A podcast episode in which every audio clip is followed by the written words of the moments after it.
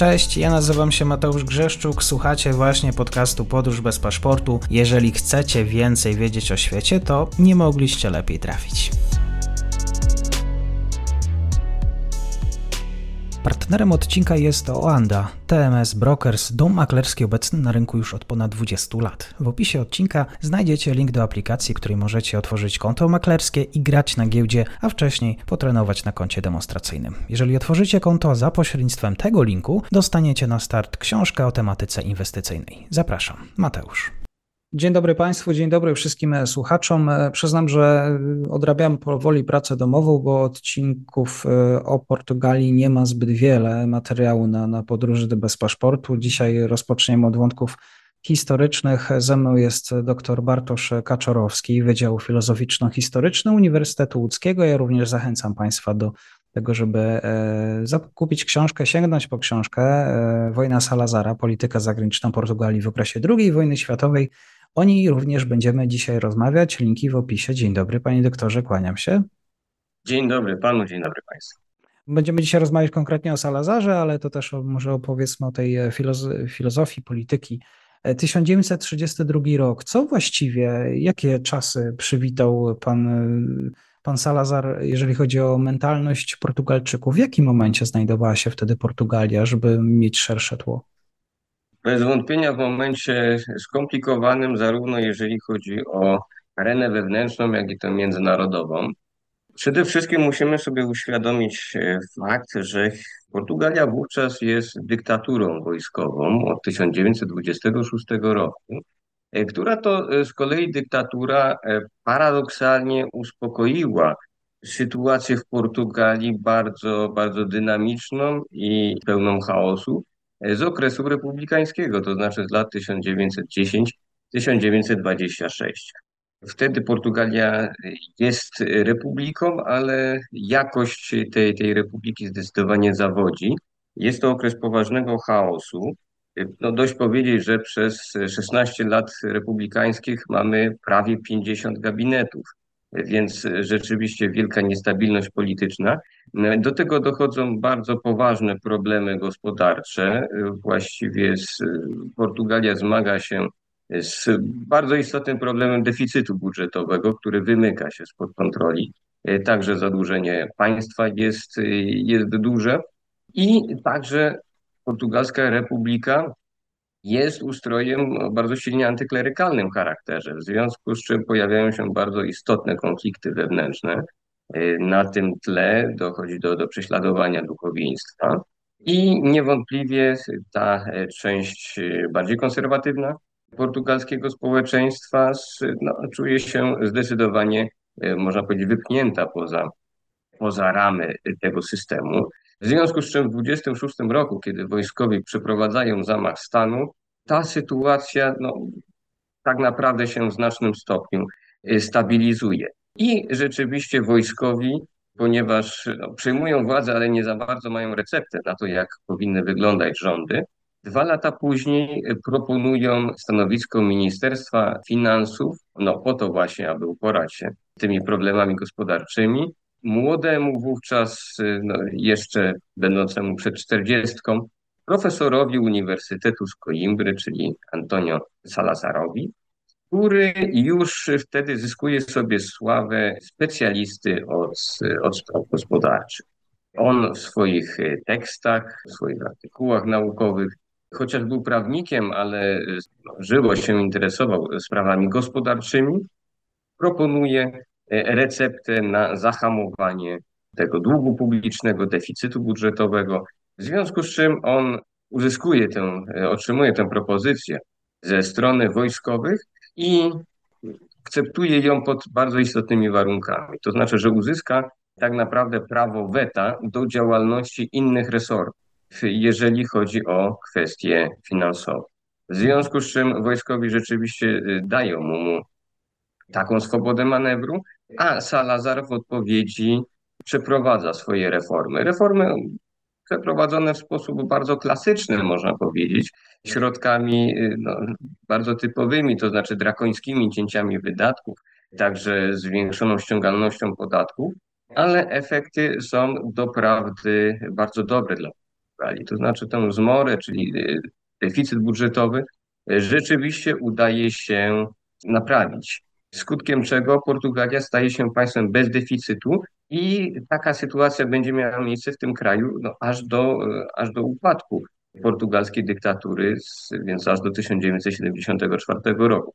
Co swoją drogą jest bardzo ciekawe, ponieważ dzisiaj, prawda, jeżeli rozmawiamy o, o deficycie budżetowym, o długu publicznym, no to jak wiemy, w tym wypadku Portugalia jest no, jednym z liderów w skali europejskiej. To jest no, dużo powyżej 100% PKB. Zresztą jeszcze niedawno, prawda, mówiło się o, o tym, że Portugalia z, no, rozpoczyna grupę tych, tych państw zwanych PIT, czyli państwa z, no, o bardzo dużym zadłużeniu. A w okresie Salazara, w okresie nowego państwa z 1974 roku nic takiego nie miało miejsca. Więc y, to, no, to pokazuje po prostu, że założenia y, gospodarcze tego, tego ustroju były bardzo ściśle związane z taką ekonomią o bardzo tradycyjnym charakterze, można powiedzieć, aby zwracać uwagę na, na dodatni bilans, aby się nie zadłużać, aby także nie mieć, nie mieć deficytu. Pod tym względem więc Salazar uzyskuje wymierne sukcesy i na fali tego sukcesu w 1932 roku zostaje zaproszony do tego, aby stworzyć gabinet. Więc jest to rzeczywiście bardzo ciekawa sytuacja, bo Salazar równocześnie no, nie otrzymuje jedynie fotelu premiera, ale także otrzymuje przyzwolenie do stworzenia systemu autorytarnego. I on ten system tworzy według swoich założeń. A kto mu na to Więc... pozwolił? To znaczy, zapraszamy do tworzenia rządu, aczkolwiek e, skąd ta śmiałość? Z przekonania, że po pierwsze, wojskowi nie potrafią rządzić, tak? nie potrafią rozwiązać tych problemów zgodnie z, no, z własnymi oczekiwaniami, także z oczekiwaniami e, społeczeństwa portugalskiego. A ponadto no, niewątpliwie y, te czterolecie, kiedy Salazar był ministrem finansów, okazało się czasem wyjątkowej y, no, prosperity dla Portugalii. Naprawienia tych, tych błędów, które rzeczywiście były bardzo, no, bardzo ważne dla, y, dla państwa portugalskiego. W związku z czym y, tak naprawdę on uzyskuje w tym okresie bardzo wyraźną popularność społeczną i też trzeba oczywiście powiedzieć, że nie ma tutaj jakiejś większej sprzeczności między Salazarem a tym, jak widzą państwo wojskowi. No przecież y, Salazar także, no, nie mieliśmy do czynienia z jakimś nagłym zerwaniem, prawda, między tym systemem salazarowskim, a, a tą wcześniejszą dyktaturą y, wojskową. Co więcej, no, prezydentem w dalszym ciągu był tutaj generał Oskar Carmona. W skład także państwa, w skład, jeżeli chodzi o urzędników państwowych, także mieliśmy troszeczkę wojskowych, aczkolwiek rzeczywiście Salazar po pewnym czasie stopniowo, stopniowo te kadry nowego państwa, no bo tak się nazywało ten twór portugalski stworzony przez, y, przez dyktatora z Coimbry. Salazar więc y, także tutaj zaprasza więcej profesorów.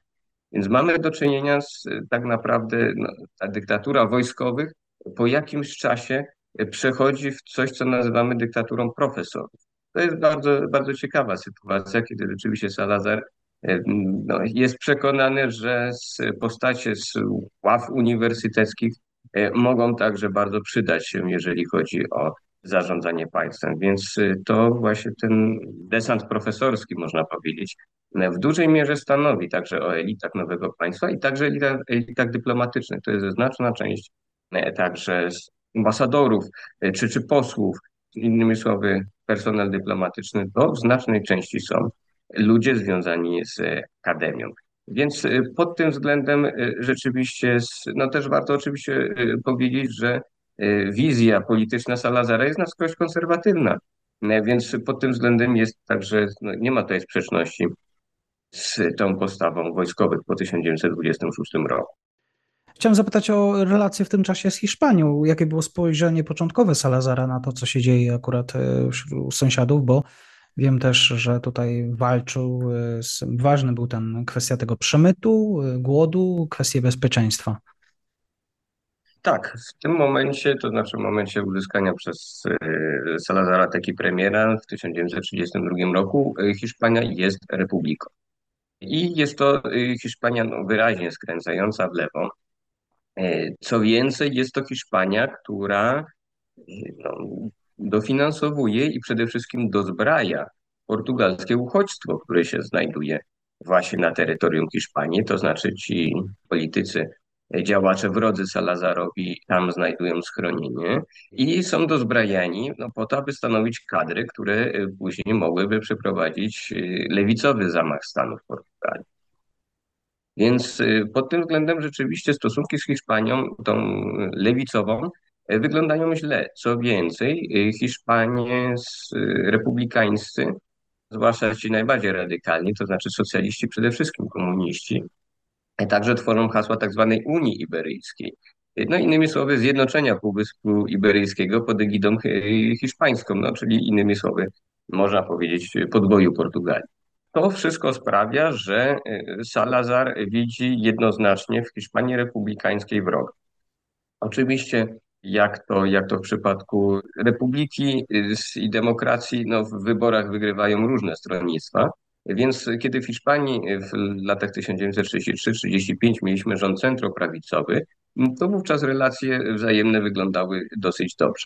Natomiast w, no, w pozostałym okresie republikańskim już zdecydowanie gorzej. Co więcej, to właśnie ta e, Hiszpania centroprawicowa przekazała Salazarowi informacje e, co do dozbrajania portugalskiego uchodźstwa e, właśnie przez rząd lewicowy. No dość wówczas powiedzieć, że Manuela Sania, minister obrony, później także prezydent Hiszpanii, bardzo, bardzo jasno mówił o tym, że rozwiązując sprawę dozbrajania portugalskiego uchodźstwa, oddaje wielką przysługę Hiszpanii. No co widzimy innymi słowy rzeczywiście, że te wzajemne relacje były dosyć, dosyć wrogie. A kiedy w 1936 roku wyborach Frontu Ludowego rzeczywiście Hiszpania staje się bardzo lewicowa, Y, kiedy kraj zmierza w stronę wojny domowej, no to z perspektywy Salazara jest to rzeczywiście no, duży problem, duże niebezpieczeństwo, że w, y,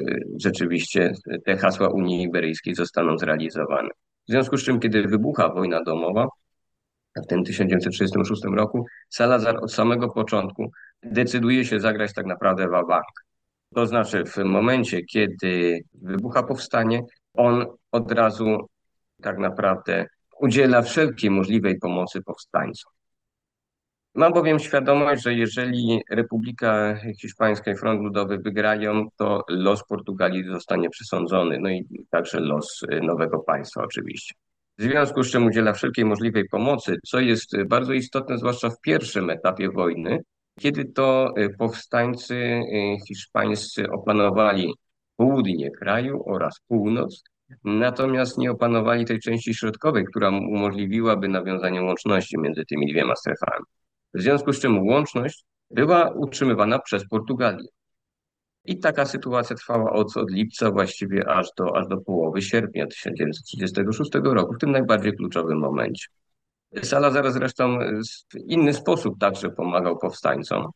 Czy była to e, pomoc o charakterze propagandowym, czy, czy o charakterze materiałowym, e, czy także tam najbardziej chyba e, symboliczna i zarazem spektakularna, to znaczy wysłanie ochotników do, do Hiszpanii. Oni wbrew obiegowym opiniom nigdy nie stworzyli jednej bardzo konkretnej jednostki. No, czasem się mówi, że był to Legion Viriatos. No, żadnego legionu nie było, to byli po prostu ochotnicy porozrzucani po różnych jednostkach hiszpańskich. Natomiast rzeczywiście ci tak zwani wiriatosz przez te kilka lat walczyli y, u boku generała Franco i Hiszpanii y, Narodowej, y, no tym samym też tworząc pewną nić porozumienia między Salazarem, między Portugalią i Hiszpanią tę narodową. Jak się okazuje, po trzech latach rzeczywiście zwycięstwo odnieśli, odnieśli frankiści. W związku z czym ta nowa Hiszpania, która, która powstała po wojnie domowej, no już można powiedzieć od samego początku była co do zasady pozytywnie nastawiona do, e, do Portugalii. Mm, natomiast równocześnie trzeba zwrócić uwagę na e, inny problem, który się pojawił w tej całej polityce. Mianowicie Hiszpania narodowa także miała swoje elementy o charakterze bardzo, no powiedzielibyśmy, nacjonalistycznym, nastawionym wyraźnie na ekspresję. I rzeczywiście w tych kręgach także pojawiały się pewne chęci do tego, aby Półwysep Iberyjski zjednoczyć, aby no, nawiązać do dziedzictwa Filipa II z XVI wieku i aby po prostu e, Portugalię także, także poddać swojej kontroli. Innymi słowy, no, jak Salazar wspominał, e, jego nastawienie wobec Hiszpanii Narodowej jest no, przyjazne, ale podejrzliwe. Tak? Więc tutaj, tutaj cytat. I w związku z czym rzeczywiście on utrzymywał pewien także pewien dystans do tych najbardziej radykalnych środowisk. E, aczkolwiek musimy sobie zdać sprawę, że możliwości podjęcia jakiejś akcji przeciwko Portugalii ze strony Hiszpanii Narodowej, no, po całej tej pomocy, która została udzielona Hiszpanii przez e, Hiszpanii właśnie tej narodowej przez Portugalię, byłyby trudne do przeprowadzenia ze względu na, no, na możliwy opór zarówno ze strony części wojskowych, jak i części opinii publicznej, Y, y, hiszpańskiej, tej, tej narodowej. W związku z czym y, tak naprawdę tym samym e, Salazar dzięki swojej polityce z okresu wojny domowej stworzył sobie dosyć, dosyć dobre relacje z Hiszpanią, e, które będą no, absolutnie kluczowe w okresie tej największej próby dla, w sumie dla obu państw Półwyspu Iberyjskiego, to znaczy dla II wojny światowej. I jeszcze początkowo to nowe państwo, że tak powiem, chwyciło w sercach Portugalczyków? Jak odnosili się do tej, tej nowej wizji? Trudno powiedzieć, żeby chwyciło serce. Można powiedzieć, że zdecydowanie społeczeństwo portugalskie no, w dużej mierze oparte na rolnictwie było tak naprawdę w dużym stopniu bierne wobec, wobec tego typu przemian.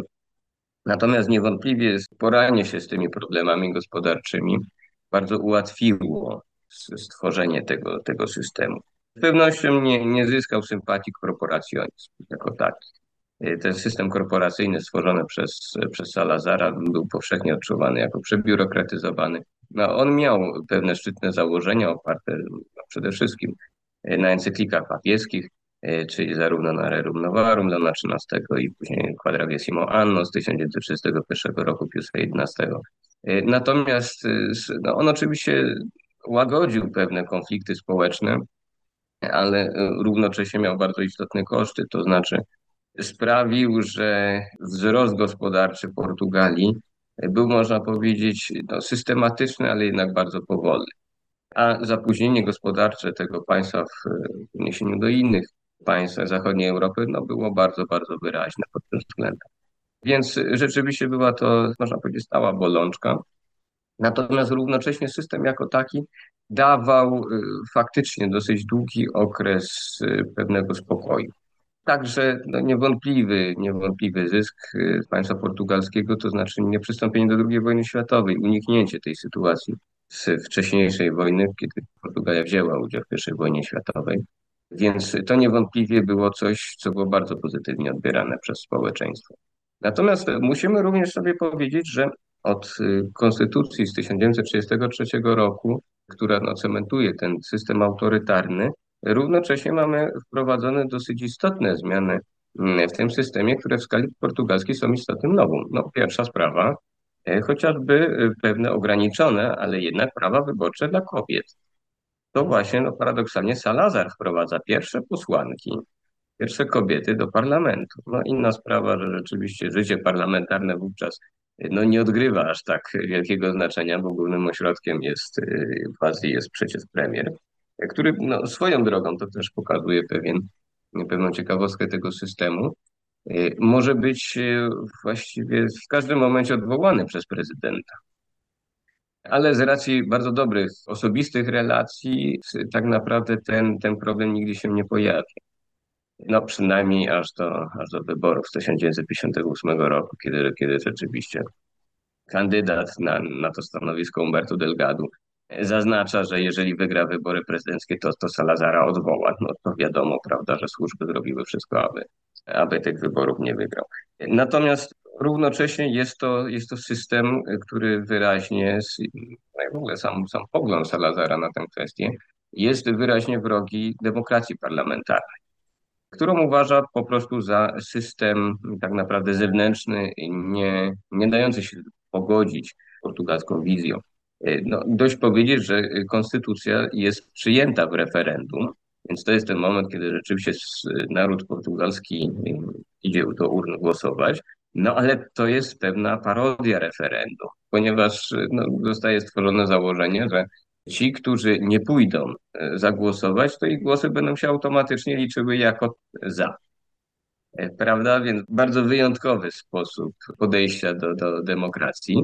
E, więc oczywiście to, to referendum zyskuje ogromne poparcie właśnie społeczne, więc zwycięstwo opcji tak jest, jest miażdżące.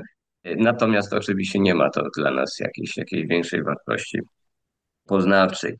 No też musimy powiedzieć, że to jest bardzo ważne. Portugalia Salazara ma bardzo niski stopień represyjności.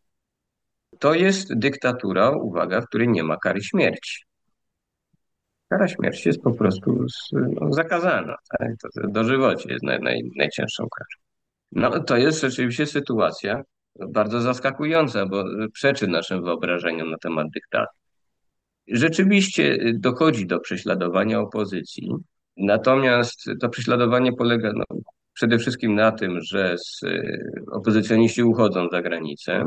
No, niektórzy oczywiście trafiają do więzień. W okresie największy wzrost populacji więziennej, jeżeli chodzi o więźniów politycznych w przypadku Hiszpanii, to jest rok 1936, czyli moment wybuchu wojny domowej w Hiszpanii, tego no, najważniejszego wyzwania dla Salazara od początku rządów. I ta e, społeczność liczy 12 tysięcy osób, ale po, po kilku miesiącach ona już radykalnie spada. Zresztą też, też trzeba powiedzieć, że no, średni czas przebywania więźniów politycznych w więzieniu to, jest, to są trzy miesiące, więc to jest też wszystko dosyć krótko. Ta represyjność jest więc dosyć y, niewielka.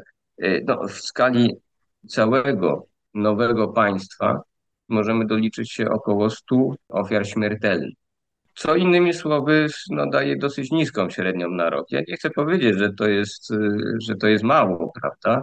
Zupełnie inaczej się patrzy z perspektywy tych, tych ofiar. Natomiast jeżeli porównujemy autorytaryzm Salazara do innych autorytaryzmów, no czy też totalitaryzmów, no to oczywiście to porównanie wy, wygląda wyjątkowo korzystnie dla Salazara. Co więcej, no także się okazuje, że ten 16-letni okres republikański był dużo bardziej krwawy. A także w przypadku no, demokracji liberalnych w Europie mamy przypadki, kiedy dochodzi do, do strajków, do buntów, które są dosyć krwawo tłumione, kiedy pada sporo ofiar śmiertelnych. E, więc pod tym względem rzeczywiście ta sytuacja w Portugalii wygląda no, dość dobrze, dość łagodnie. No, ten e, okryty naj, najbardziej złą sławą, czyli obóz powolnej śmierci na, na Wyspach Zielonego Przylądka, tak naprawdę ma, ma średnią w postaci jednej osoby zabitej w skali roku. W ciągu 30 lat obowiązywania oczywiście około 30, 30 ofiar śmiertelnych. Nikt nie chce prawda, powiedzieć, że warunki tych, którzy byli tam zsyłani do Tarafalu były dobre, tak, były godne. No nic z tych rzeczy oczywiście. Natomiast jest to obóz, którego no, nie można porównać prawda, z, z innymi obozami już powoli tworzonymi w tej, w tej epoce, no, czy, czy tym bardziej II wojnie światowej. Więc pod tym względem rzeczywiście jest to, jest to kwestia dosyć, dosyć istotna i, i no, na tej mapie dyktatur w ówczesnej Europie rzeczywiście ta portugalska charakteryzuje się wyjątkową łagodnością. A Salazar wobec e, kolonii? Tak, to jest niewątpliwie rzeczywiście, jeżeli mówimy o tym okresie kolonialnym, to rzeczywiście ręka Salazara jest bardzo twarda. To zwłaszcza kiedy dochodzi no, w latach 60. Do, do usamodzielnienia się ze strony czy, czy Angolii, czy, czy Mozambiku, E, więc pod tym względem rzeczywiście, jeżeli chodzi o kolonie, e, ręka Portugalii i Salazara jest bardzo twarda. On zdecydowanie wierzy, że Portugalia powinna zachować e, swoje imperium kolonialne i tam rzeczywiście dochodzi do, do bardzo twardych interwencji zbrojnych, dochodzi także do, do pewnych zbrodni wojennych. No, Portugalia jest wówczas, można powiedzieć, dosyć, dosyć powszechnie potępiana w, no, w tym aspekcie.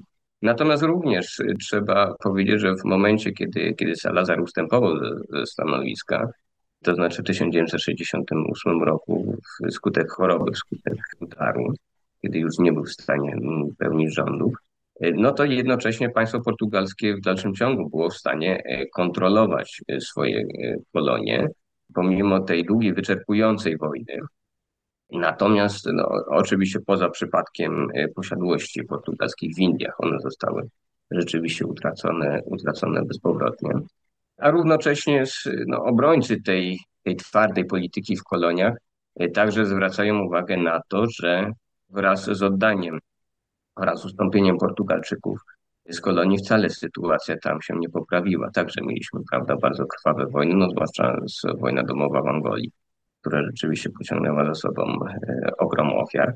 Więc pod tym względem niewątpliwie e, Portugalia jest e, państwem, które no, najdłużej spośród państw europejskich było za zachowaniem swoich kolonii. Portugalia także nie stworzyła tak naprawdę jakiegoś systemu łączności z tymi swoimi terytoriami, które po utraceniu tych kolonii no, pozwoliłoby to na e, podtrzymanie swoich wpływów. Coś na, e, na miarę brytyjską, którą, którą Brytyjczycy przeprowadzili wobec swoich byłych kolonii, to znaczy rzeczywiście przyznając im niepodległość, a równocześnie tworząc dosyć silne więzi z tymi nowymi państwami po to, aby utrzymać tam wpływy o charakterze nieformalnym.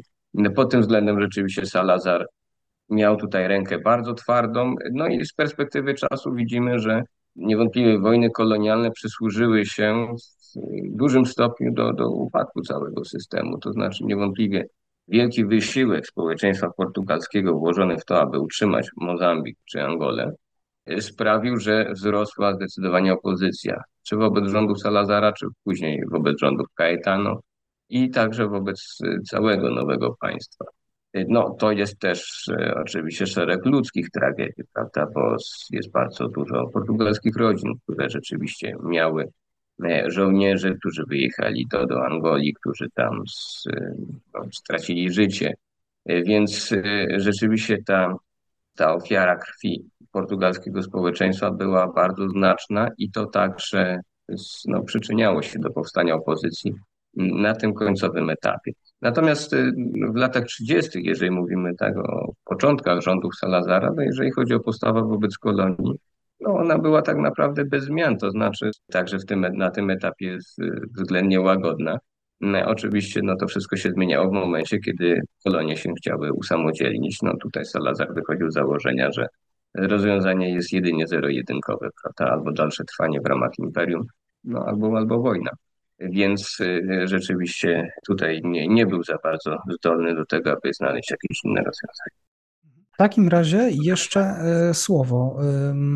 Jeżeli mówimy jeszcze o latach powiedzmy 40., e, początek e, rządów, jeżeli wszystko jest pod kontrolą Salazara, czy również tutaj dochodzi do tego kwestia mediów, prasy, kwestia dotycząca edukacji, e, nauczania, czy to również są przestrzenie, które są powoli w jakimś stopniu kontrolowane, jak to wyglądało w, w praktyce, jak wyglądało kwestie dotyczące nawet kultury portugalskiej, e, filmu, e, sztuki. Czy tam był też obecny, powiedzmy, ta miękka dyktatura? Tak, jak najbardziej. To pod tym względem bez wątpienia była bardzo, bardzo ciężka i względnie sprawnie działająca cenzura. Rzeczywiście ten aspekt propagandowy był, był bardzo silny. Niewątpliwie pod tym względem, także w edukacji, no ta wizja społeczeństwa konserwatywnego, y, także tradycyjnych y, ról w rodzinie, prawda? Więc to rzeczywiście wszystko było mm, bardzo, bardzo podkreślane. I, I także jeżeli mówimy o koloniach, bardzo także częsta była ta propaganda podkreślająca no, jedno takich, z takich istotniejszych haseł tej portugalskiej propagandy, to znaczy Portugalia nie jest krajem małym. Innymi słowy, na, na szeroką skalę były wówczas konsultowane mapy, e, na których e, kreślono kształt czy Angolii, czy Mozambiku i równocześnie ten kształt wraz ze swoim terytorium był nanoszony na Europę. W związku z czym można się było dowiedzieć na przykład właśnie, że Angola i Mozambik no, przeniesione do Europy stanowiłyby i jej znaczną część, prawda, zajmowałyby teren e, kilku państw, e, no, co innymi słowy miało stworzyć to wrażenie, że Portugalia no, nie jest małym państwem na peryferiach Europy, ale jest e, potężnym imperium, które tak naprawdę jest rozłożonym na kilku kontynentach. Więc rzeczywiście ta, ta propaganda imperialna była bardzo silna. To zresztą także o tym świadczyły pewne rocznice. Także w 1940 roku mieliśmy wielką wystawę Mundo, Mundo Portugues, czyli, czyli świat portugalski, który właśnie miała, miała podkreślić wielką, wielką siłę Portugalii w skali świata, co oczywiście było bardzo, bardzo ciekawe, ponieważ no, równocześnie siła militarna i sprawczość polityczna Portugalii była doprawdy bardzo ograniczona. No możemy powiedzieć, że Portugalia była imperium, jedynym nawet imperium kolonialnym, które było de facto wasalem imperium, innego imperium kolonialnego. Mowa tutaj oczywiście o Wielkiej Brytanii która, z którą, co ciekawe, Portugalię łączył tak zwany najstarszy sojusz w historii, bo oba państwa były sojusznikami od XIV wieku. Więc y, to jest rzeczywiście ewenement w skali świata, że sojusz funkcjonował tak długo, ale on był oparty oczywiście na wspólnych podstawach, no przede wszystkim na dystansie, nazwijmy to tak delikatnie, wobec, wobec Hiszpanii. I rzeczywiście pod tym względem Portugalia była wyraźnie uzależniona od, od Wielkiej Brytanii. Salazar, co ciekawe, pomimo stworzenia tego systemu autorytarnego, pomimo także wspierania Franco w okresie wojny domowej, od tego założenia najstarszego sojuszu nigdy z Wielką, z Wielką Brytanią nigdy nie odszedł. To była, można powiedzieć, kontynuacja tej, tej stałej polityki. Co więcej, chyba nawet można powiedzieć, że pod tym względem był jednym także no, z tych, którzy najbardziej dbali o te relacje z Londynem. To oczywiście w II wojnie światowej miało swoją kluczową rolę, bo wówczas Salazar tak naprawdę odegrał niezwykle ważną rolę pomostu między Londynem a Madrytem, wykorzystując te swoje dobre relacje z Franką. To było zwłaszcza widoczne w 1940 roku, fundamentalnym roku w sumie dla, dla Salazara i, i dla Portugalii, dla całego Półwyspu Iberyjskiego, no i także dla Londynu też w dużym stopniu. To jest moment, kiedy Hitler podejmuje decyzję e, o tym, aby podjąć próbę zajęcia Gibraltaru i wejścia do Afryki Północnej, co Gibraltaru, który należał do Wielkiej Brytanii, który z kolei stanowił bardzo istotną bramę na Morze Śródziemne. I można powiedzieć, że wówczas te plany Hitlera no, oznaczałyby zadaniem Imperium Brytyjskiemu bardzo poważnego ciosu. W związku z czym, ponieważ Hitler nie mógł zająć Gibraltaru bez pomocy Hiszpanii, która ma no, dostęp prawda, do, do, do tej skały od strony lądu, to musiał przekonać Hiszpanię, aby przystąpiła do wojny. I zaczęły się negocjacje między Niemcami a Hiszpanią. One całe, trwały całe, całą drugą połowę 1940 roku. Franco tutaj zachowywał się dosyć wstrzemięźliwie, to znaczy on nie chciał przystępować do wojny bez y, jasnego określenia, co Hiszpania może uzyskać na tej wojnie, a chodziło mu przede wszystkim o Maroko. O Maroko wówczas francuskie, a Hitler nie mógł oddać francuskiego Maroka, bo wtedy straciłby swojego sojusznika, mhm. E, czyli państwo Vichy, państwo francuskie. W związku z czym no, była tutaj jakaś próba rozwiązania tego tego zagadnienia w inny sposób niż, niż jasnego deklarowania, co można oddać ze strony Francji. E, a Franco niekoniecznie był, był zadowolony z takiego rozwiązania sprawy i też nie do końca wierzył, że Hitler może wygrać całą wojnę, ale e, rzeczywiście negocjował i sam się wahał w tej sprawie. Postanowiliśmy tutaj z panem doktorem, że nasze spotkanie dotyczące mm, właśnie Portugalii tego okresu podzielimy sobie na dwie części. Dzisiaj, jak widzą państwo, reżim Salazara ma różne strony. Salazar zniósł pluralizm, zlikwidował partię, niezależne organizacje, również w jakiś sposób to państwo było najwyższą wartością, ale jak widać też porównując do innych e, krajów, ta dyktatura no, była nieco, różniła się przede wszystkim e, też w skali, e, w skali też przemocy, może w ten sposób.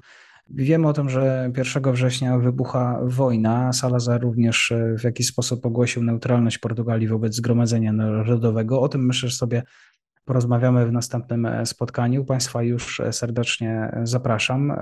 Cóż, dzisiaj pierwsza część doktor Bartosz Kaczorowski z Uniwersytetu Łódzkiego. Bardzo dziękuję. Bardzo serdecznie dziękuję. I to już koniec na dzisiaj. Zapraszam na profil podcastu Podróż bez paszportu na Facebooku, Instagramie i Twitterze. Zachęcam też do wsparcia mojej pracy na serwisie Patronite oraz Buy Coffee. Do usłyszenia.